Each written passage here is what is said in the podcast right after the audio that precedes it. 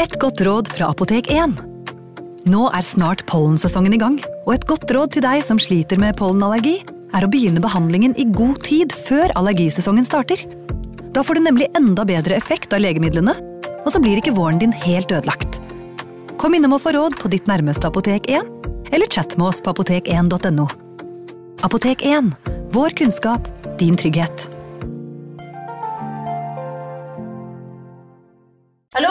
Jeg kommer fra Oslo politikammer. Ine Jansen er purk. Er du purk? The motherfucking bitch. Alt jeg vil, er å finne ut hva som skjedde med mannen min. Jon Carew. Er jeg sikta for noe? Iben Akeli. Det er du.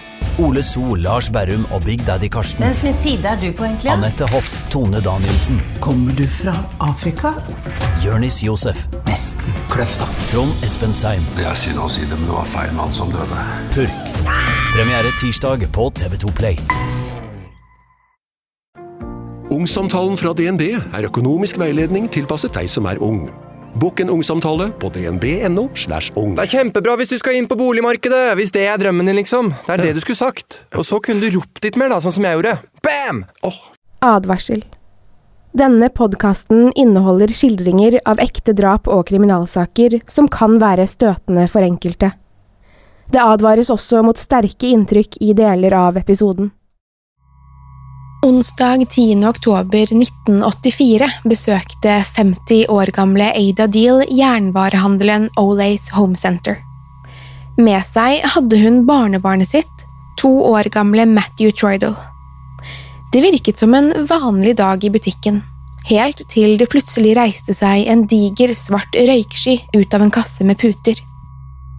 Ada griper umiddelbart Matthew, men flammene skyter raskt opp i taket. Ada løper mot utgangen, men det er for sent. Taket har allerede begynt å kollapse.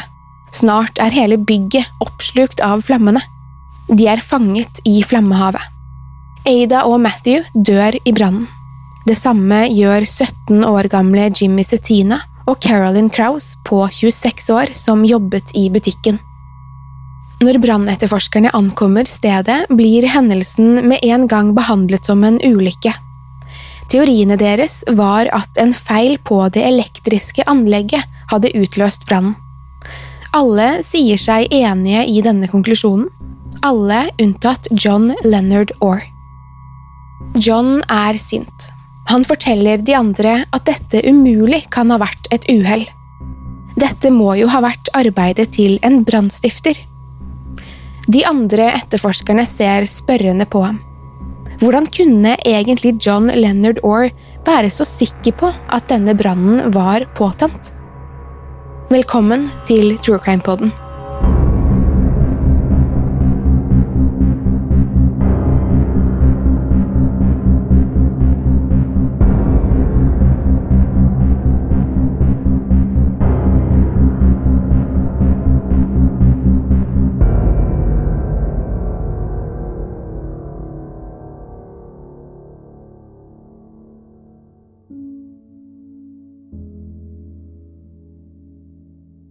John Leonard Orr vokste opp i California på 50-tallet sammen med sin far og to eldre brødre. Moren hans forlot familien og dro hjem til Missouri da John var 16 år, men til tross for dette mente han selv at han hadde hatt en fin oppvekst. I 1967 vervet John seg til flyvåpenet. Her trente han i en periode for å bli flymekaniker, men ble raskt flyttet over til brannvesenet. I 1968 giftet John seg med kjæresten sin fra videregående, Judy. Kort tid etter dette ble han overført til en flybase i Spania.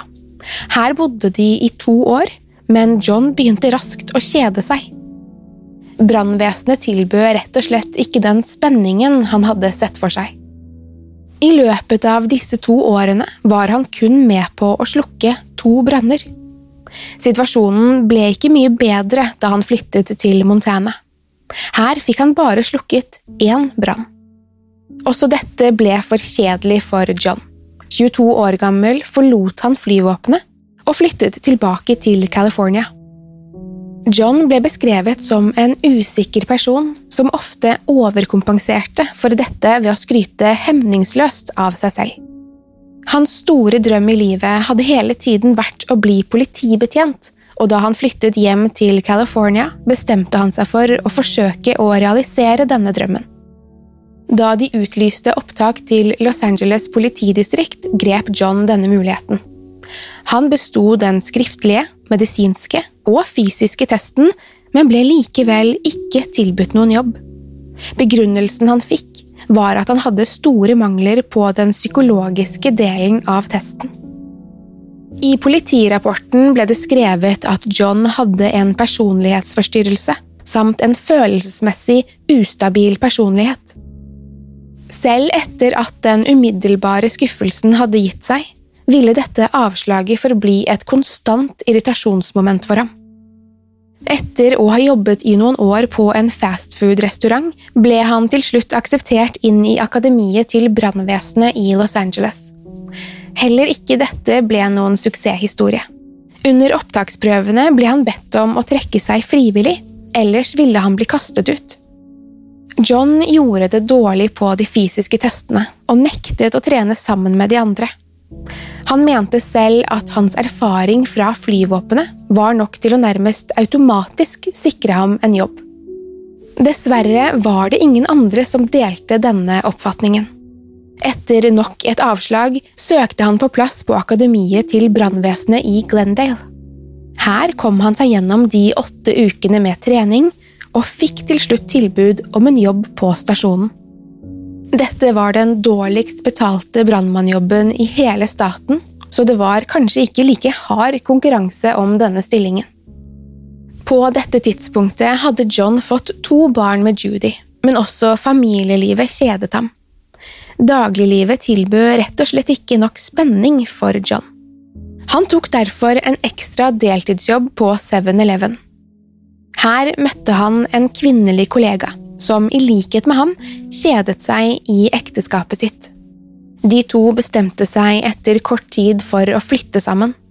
John la bare igjen en lapp til Judy før han forsvant ut av livet hennes for godt.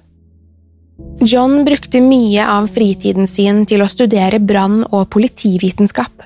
Han fortsatte også å søke spenning i hverdagen, og viste i denne perioden et talent for å fange butikktyver på 7-Eleven. Dette ble etter hvert en besettelse for ham, og John begynte snart å tilbringe mer og mer av fritiden sin på et lokalt kjøpesenter. Her underholdt han seg selv med å jakte på butikktyver. John ble såpass god til dette at han endte opp med å bli tilbudt deltidsjobb som vekter i en butikk. Her fanget han 50 tyver i løpet av sin første måned. Samtidig ble oppførselen hans stadig mer spesiell. Han var allerede en kjenning av politiet i byen. Han likte nemlig å tilbringe kveldene sine på politibarer, hvor han ofte kom med slengbemerkninger mot andre besøkende. Han gikk heller ingen steder uten pistolen sin. På brannstasjonen ble han flyttet til en ny avdeling kalt Hill Patrol. John var lei av å sitte på brannstasjonen og vente på at noe skulle skje, og her fikk han plutselig mye mer å gjøre. Som Hill Patrol hadde han sin egen pickup som han kjørte rundt i, med formål om å forhindre branner i Glendales åssider. Her utmerket John seg igjen. Antallet rapporterte branner økte kraftig i denne perioden som følge av at John var så nøye med å melde dem inn. Det var nesten som om John hadde en sjette sans når det kom til å oppdage branner. På et tidspunkt fant John en antennelsesmekanisme i en nedbrent busk. Denne mekanismen besto av en sigarett som var festet til tre fyrstikker med en gummistrikk. Med denne utløseren kunne en brannstifter komme seg unna før brannen ble oppdaget. Ved en annen anledning var John tilfeldigvis til stede da det oppsto brann i en butikk. John var på vei hjem fra vekterjobben sin da han så svart røyk komme opp fra en butikk like ved. Her hjalp han til i to timer med å slukke brannen. John ble etter hvert forfremmet til brannetterforsker. En av sakene han etterforsket, var brannen i Olays Home Center. Olays Home Center var en jernvarebutikk i Pasadena, California, som brant ned onsdag 10. oktober 1984. Taket hadde kollapset, og fire personer omkom i den voldsomme brannen. John hadde nok en gang vært i nærheten og tok flere bilder av brannen mens den utviklet seg. Han viste disse bildene til brannsjefen, overbevist om at dette var solide bevis på at brannen hadde blitt påtent. Til tross for dette gikk brannsjefen ut i pressen og fortalte at brannen hadde oppstått som følge av en elektrisk feil. John ble sint og sto på sitt. Dette var håndverket til en pyroman.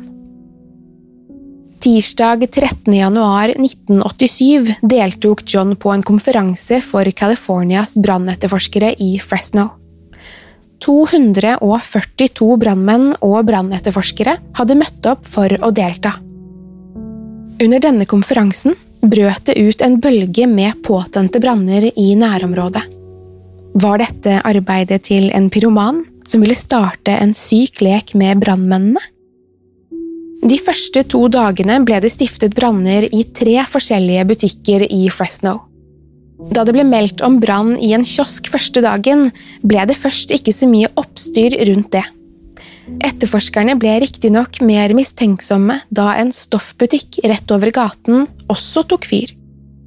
Da det brøt ut en tredje brann i nok en stoffbutikk samme dag, begynte de å se et faretruende mønster. Flere vitner kunne fortelle om en underlig mann som hadde stått lenge i sengetøysavdelingen. Han skal ha sett ut som en helt ordinær person, et sted mellom 35 og 50 år gammel. De fant det riktignok mistenkelig at han hadde forsvunnet kort tid før røyken oppsto. Lignende observasjoner ble gjort andre steder.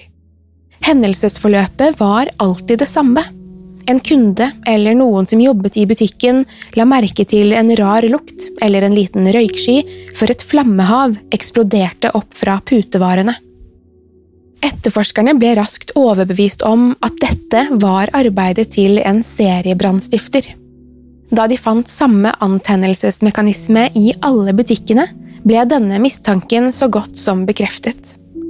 Alle disse mistankene besto av en sigarett festet til tre fyrstikker med en gummistrikk. Dagen etter at konferansen var over, ble det meldt om en brann i en jernvarehandel i byen Tuller. En knapp time senere ble det meldt om brann i en matbutikk i samme by. Etter lunsj ble det meldt om flere nye branner, denne gangen i byen Bakersfield. Bakersfield ligger en time sør fra Tuller, og etterforskerne begynte nå å mistenke at det kunne være noen som hadde deltatt på konferansen som sto bak. Man må tross alt være ganske interessert i brann og flammer for å jobbe så tett med det. Kanskje var det en pyroman iblant dem? Åstedene for disse brannene fulgte motorveien fra Fresno ned mot Los Angeles. Det ble derfor undersøkt hvilke av konferansens deltakere som hadde kjørt denne veien hjem, og satt sammen en liste med over 50 ulike navn. Et av navnene på denne listen var John Leonard Orr. Etterforskerne følte nå at de var på sporet av en pyroman med flere liv på samvittigheten. Til tross for dette dabbet etterforskningen snart av. Torsdag 5. mars 1989 ble det arrangert en ny konferanse i Pacific Grove rett utenfor Monterey, California. Flere av deltakerne har dratt opp noen dager i forveien for å kose seg i den vakre kystbyen. Det kunne virke som at pyromanen også hadde gjort dette, for nok en gang brøt det ut flere branner i området. Tirsdag 3. mars brøt det ut en brann i en matbutikk i Morrow Bay, en by som ligger to timer unna konferansen. Dagen etter skjedde det samme i en butikk som solgte ullprodukter i Salinas, snaue 30 km fra Pacific Grove. Det ble plutselig stille under selve konferansen, men så fort den var over, fortsatte pyromanen der han slapp. Pyromanen startet nå en brannbonanza uten like. På én dag brøt det ut seks branner i byen Atascadero. Alle åstedene hadde de samme kjennetegnene. Pyromanen valgte med omhu ut butikker som solgte stoff, ull eller jernvarer. De lå alle på vei til eller fra konferansen.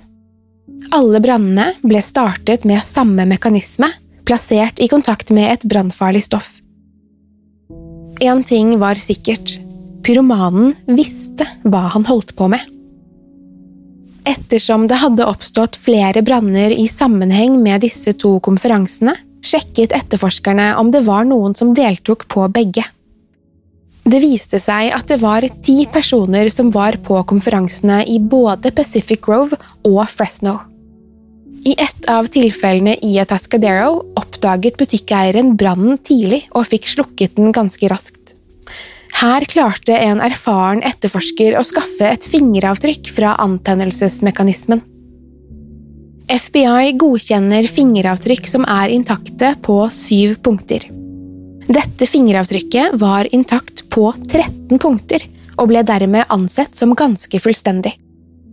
Av teorien om at den skyldige jobbet i brannvesenet, sjekket etterforskeren fingeravtrykket mot databasen av statlig ansatte. Dette ga ingen treff. Sommeren 1990 var varm og tørr, med mye vind. Dette innebar stor risiko for at branner kunne oppstå i Glendales åside. På denne tiden hadde John begynt å få et nesten mystisk omdømme i brannvesenet. Han hadde fått et rykte som en god og effektiv etterforsker, og fikk publisert mange akademiske tekster i fagtidsskrifter.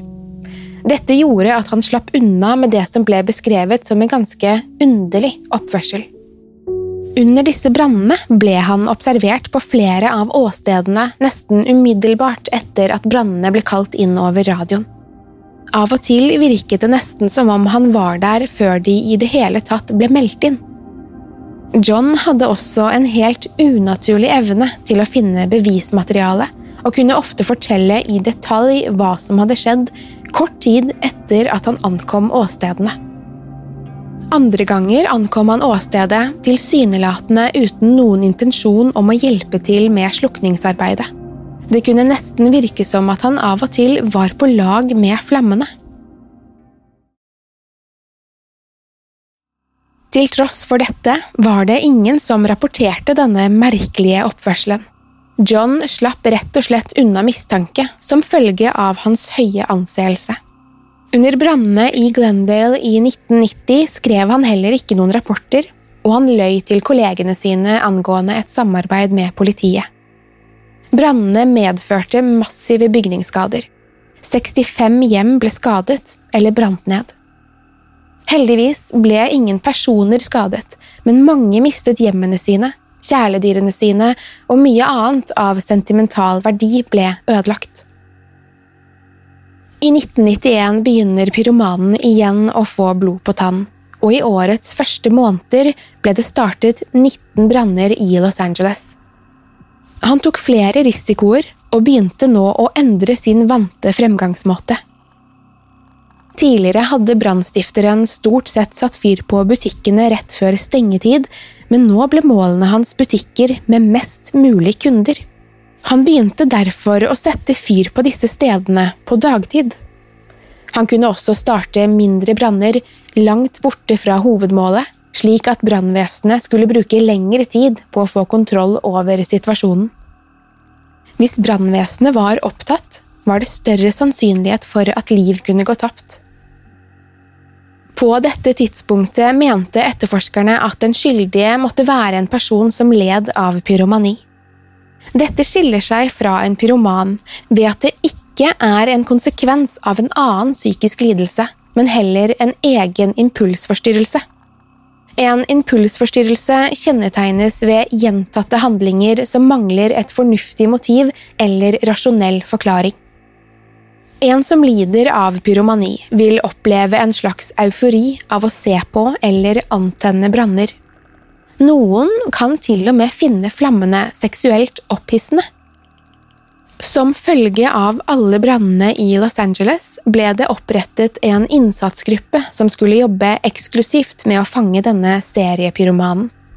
Den ble kalt Pillow Pyro Task Force. Pyromanen hadde fått tilnavnet Pillow Pyro fordi han ofte brukte brannfarlige putevar til å starte brannene. Det første gruppen gjorde, var å kjøre fingeravtrykket de hadde funnet gjennom et nytt søk. Kanskje den skyldige hadde gjort noe annet kriminelt siden søket i 1989? Denne gangen kom søket tilbake med et resultat. John Leonard Orr. Det hadde vært en feil på skanneren i 1989. Hadde den fungert som den skulle, ville de allerede her kunne identifisert John Leonard Orr som seriepyromanen. Denne feilen sørget for at John kunne terrorisere Californias innbyggere i ytterligere to år. Etterforskerne trodde først ikke sine egne øyne. Det måtte finnes en annen forklaring for hvorfor fingeravtrykkene hans var på mekanismen. Kunne John kanskje ha vært involvert i håndteringen av bevisene? Kanskje hadde fingeravtrykket oppstått under etterforskningen? Kunne den pyromane ha stjålet Johns sigaretter eller fyrstikker for å rette mistanken mot ham? De måtte til slutt krype til korset. Alle andre forklaringer enn at John var skyldig, virket helt søkte. Dermed startet en jakt på å fange John i aksjon. Han ble overvåket døgnet rundt, men det eneste mistenkelige han gjorde, var å kjøpe seg to pakker med sigaretter. John røykte nemlig ikke. Etterforskerne ventet på at han skulle bruke sigarettene i en av sine notoriske antennelsesmekanismer, men dette skjedde aldri. Han må ha innsett at etterforskerne nærmet seg, for plutselig ble det veldig stille rundt ham. Han dro på flere konferanser, men det eneste som ble påtent, var en søppelkasse. Etterforskerne oppfattet dette som at han gjorde narr av dem. De var derimot sikre på at de hadde funnet sin mann, for da det ble stille rundt John, ble det også stille i resten av staten. De påtente brannene opphørte plutselig. Mens John ble overvåket, samlet etterforskerne opp bevismateriale mot ham. Han hadde blitt observert flere ganger i butikkene de mistenkte at han hadde satt fyr på, både av kunder og av de som jobbet der. Flere av vitnene pekte han ut fra en rekke bilder de ble presentert med av etterforskerne. John hadde tidlig blitt mistenksom på overvåkningen. Han forsto at noen fulgte med på ham da han oppdaget en sporingsenhet på undersiden av bilen sin. Selv om FBI prøvde å få en bilmekaniker til å overbevise John om at det ikke var en sporingsenhet, tyder oppførselen hans på at han ikke kjøpte denne forklaringen. FBI fikk installert en ny sporingsenhet i bilen hans da den var inne på service. Dette gjorde at de kunne fortsette sporingen av John. Fredag 21. november 1991 ble det meldt om en brann ved Warner Brothers Studios. Noen hadde tent på kulissene til en TV-serie. Da brannvesenet ankom, fant de John på åstedet, og han ble raskt arrestert. Dette var arbeidsplassen til Johns fjerde kone, Wanda. Han skal ha vært notorisk utro mot Wanda, og etterforskerne så på dette som et forsøk på å ta livet av henne. Etterforskerne mente derfor at John hadde et tydelig motiv for å starte brannen. John hadde skrevet en roman som han på dette tidspunktet sendte rundt i et forsøk på å få den utgitt. Etterforskerne var veldig ivrige etter å få tak i denne boken, i håp om at han skulle avsløre seg selv i denne. De søkte derfor hjelp fra en annen forfatter som tidligere hadde vært brannmann. Forfatteren sendte John en forespørsel om han kunne få lese manuskriptet hans. John ble begeistret og sendte han det umiddelbart. Det etterforskerne fant i bokmanuset, sjokkerte dem. Romanen handlet om en brannetterforsker som endte opp som en seriebrannstifter, og en annen etterforsker som jobbet for å avsløre ham. Likhetene mellom hovedkarakteren og John er slående. Boken fremsto nesten som en lang tilståelse. I et brev John sendte til et forlag i 1991, skrev han Romanen min er et faktabasert arbeid som følger mønsteret til en ekte seriebrannstifter som har startet branner i California de siste åtte årene. Han har ikke blitt identifisert eller arrestert, og det kommer nok ikke til å skje i nærmeste fremtid heller. Han fortsetter. Som i den ekte saken er brannstifteren en brannmann. Videre skriver han at en brannstifter ikke bare holder seg i nærheten av brannene de starter, noen ganger vil de til og med delta i oppdagelsen og slukkingen. John brukte flere ekte saker i boken sin. Blant annet brannen i Ollys Home Center, der fire personer mistet livet. 50 år gamle Ada var byttet ut med Madeline Paulson, mens to år gamle Matthew var av latskap endret til tre år gamle Matthew. I boken skrev han Det siste hun kunne høre, var et enormt brøl mens flammene brant gjennom taket og strakk seg mot utsiden. Røyken la seg et øyeblikk før de ble omringet av en vegg av flammer. Så eksploderte hele rommet i brann. Deres siste åndedrag var en varme på 400 grader, som svidde lungene deres. Da John satt i fengsel, ble han beskrevet av en atferdspsykolog som en pyroman som likte spenningen av å nesten bli tatt. Han valgte seg jevnlig ut mål der flertallet av kundene var kvinner. John skal nemlig ha hatt et underliggende hat mot kvinner som startet da moren hans forlot familien. I 1992 ble John dømt til 30 år i fengsel for å ha stiftet tre branner. Han erklærte seg skyldig i disse anklagene. Denne dommen ble senere utvidet til livstid. Dette var som følge av at han ble dømt for overlagt drap på de fire menneskene som døde i Olays Home Center-brannen. John insisterte på at han ikke hadde noe med denne brannen å gjøre. Mange brannetterforskere mener at John Leonard Orr er en av de verste og mest utspekulerte brannstifterne i nyere historie. Agenten Mike Metasa tror at John kan ha startet nesten 2000 branner mellom 1984 og 1991. Det ble også rapportert at det brøt ut 90% færre skogbranner i de lokale åssidene etter Johns arrestasjon. Hvis man tar utgangspunkt i Johns fiktive motstykke, kan man forsøke å lete etter et svar på hvorfor han begynte å antenne branner. Det hele virket å starte med en søken etter spenning, en flukt fra den kjedsommelige hverdagen. John var åpenbart stolt av sine egne gjerninger og ville jevnlig returnere til åstedene. Det antas også at John fant stor glede i å føle seg overlegen de mange etterforskerne som forsøkte å ta ham. Det hele utviklet seg til en lek for John, der han stadig testet grensene. Han forsøkte å finne ut hvor lang tid det kunne gå før han ble avslørt. Det var paradoksalt nok også Johns jobb å delta under slukkingen og etterforskningen av disse brannene, og han fant antageligvis også dette aspektet pirrende. John mener fremdeles at han er uskyldig dømt, og han skrev en bok om hvordan han ble forrådt av rettssystemet.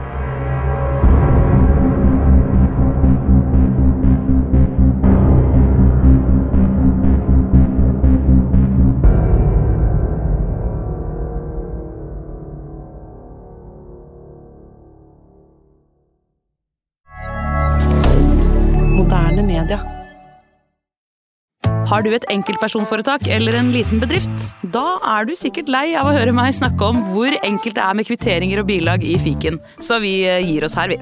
Fordi vi liker enkelt. Fiken superenkelt regnskap. Hei! Takk for at du lytter til True Crime Podden. Skulle du ønske at du kunne høre en ny episode av denne podkasten hver eneste uke? Vel, da er det bare å laste ned podkastappen Untold med en gang. I tillegg til ukentlige episoder av podkaster som Skrekkpodden, Synderne og Henrettelsespodden, får du masse annet reklamefritt og eksklusivt innhold. Last ned Untold i AppStore eller Google Play, og start din 30 dagers prøveperiode i dag.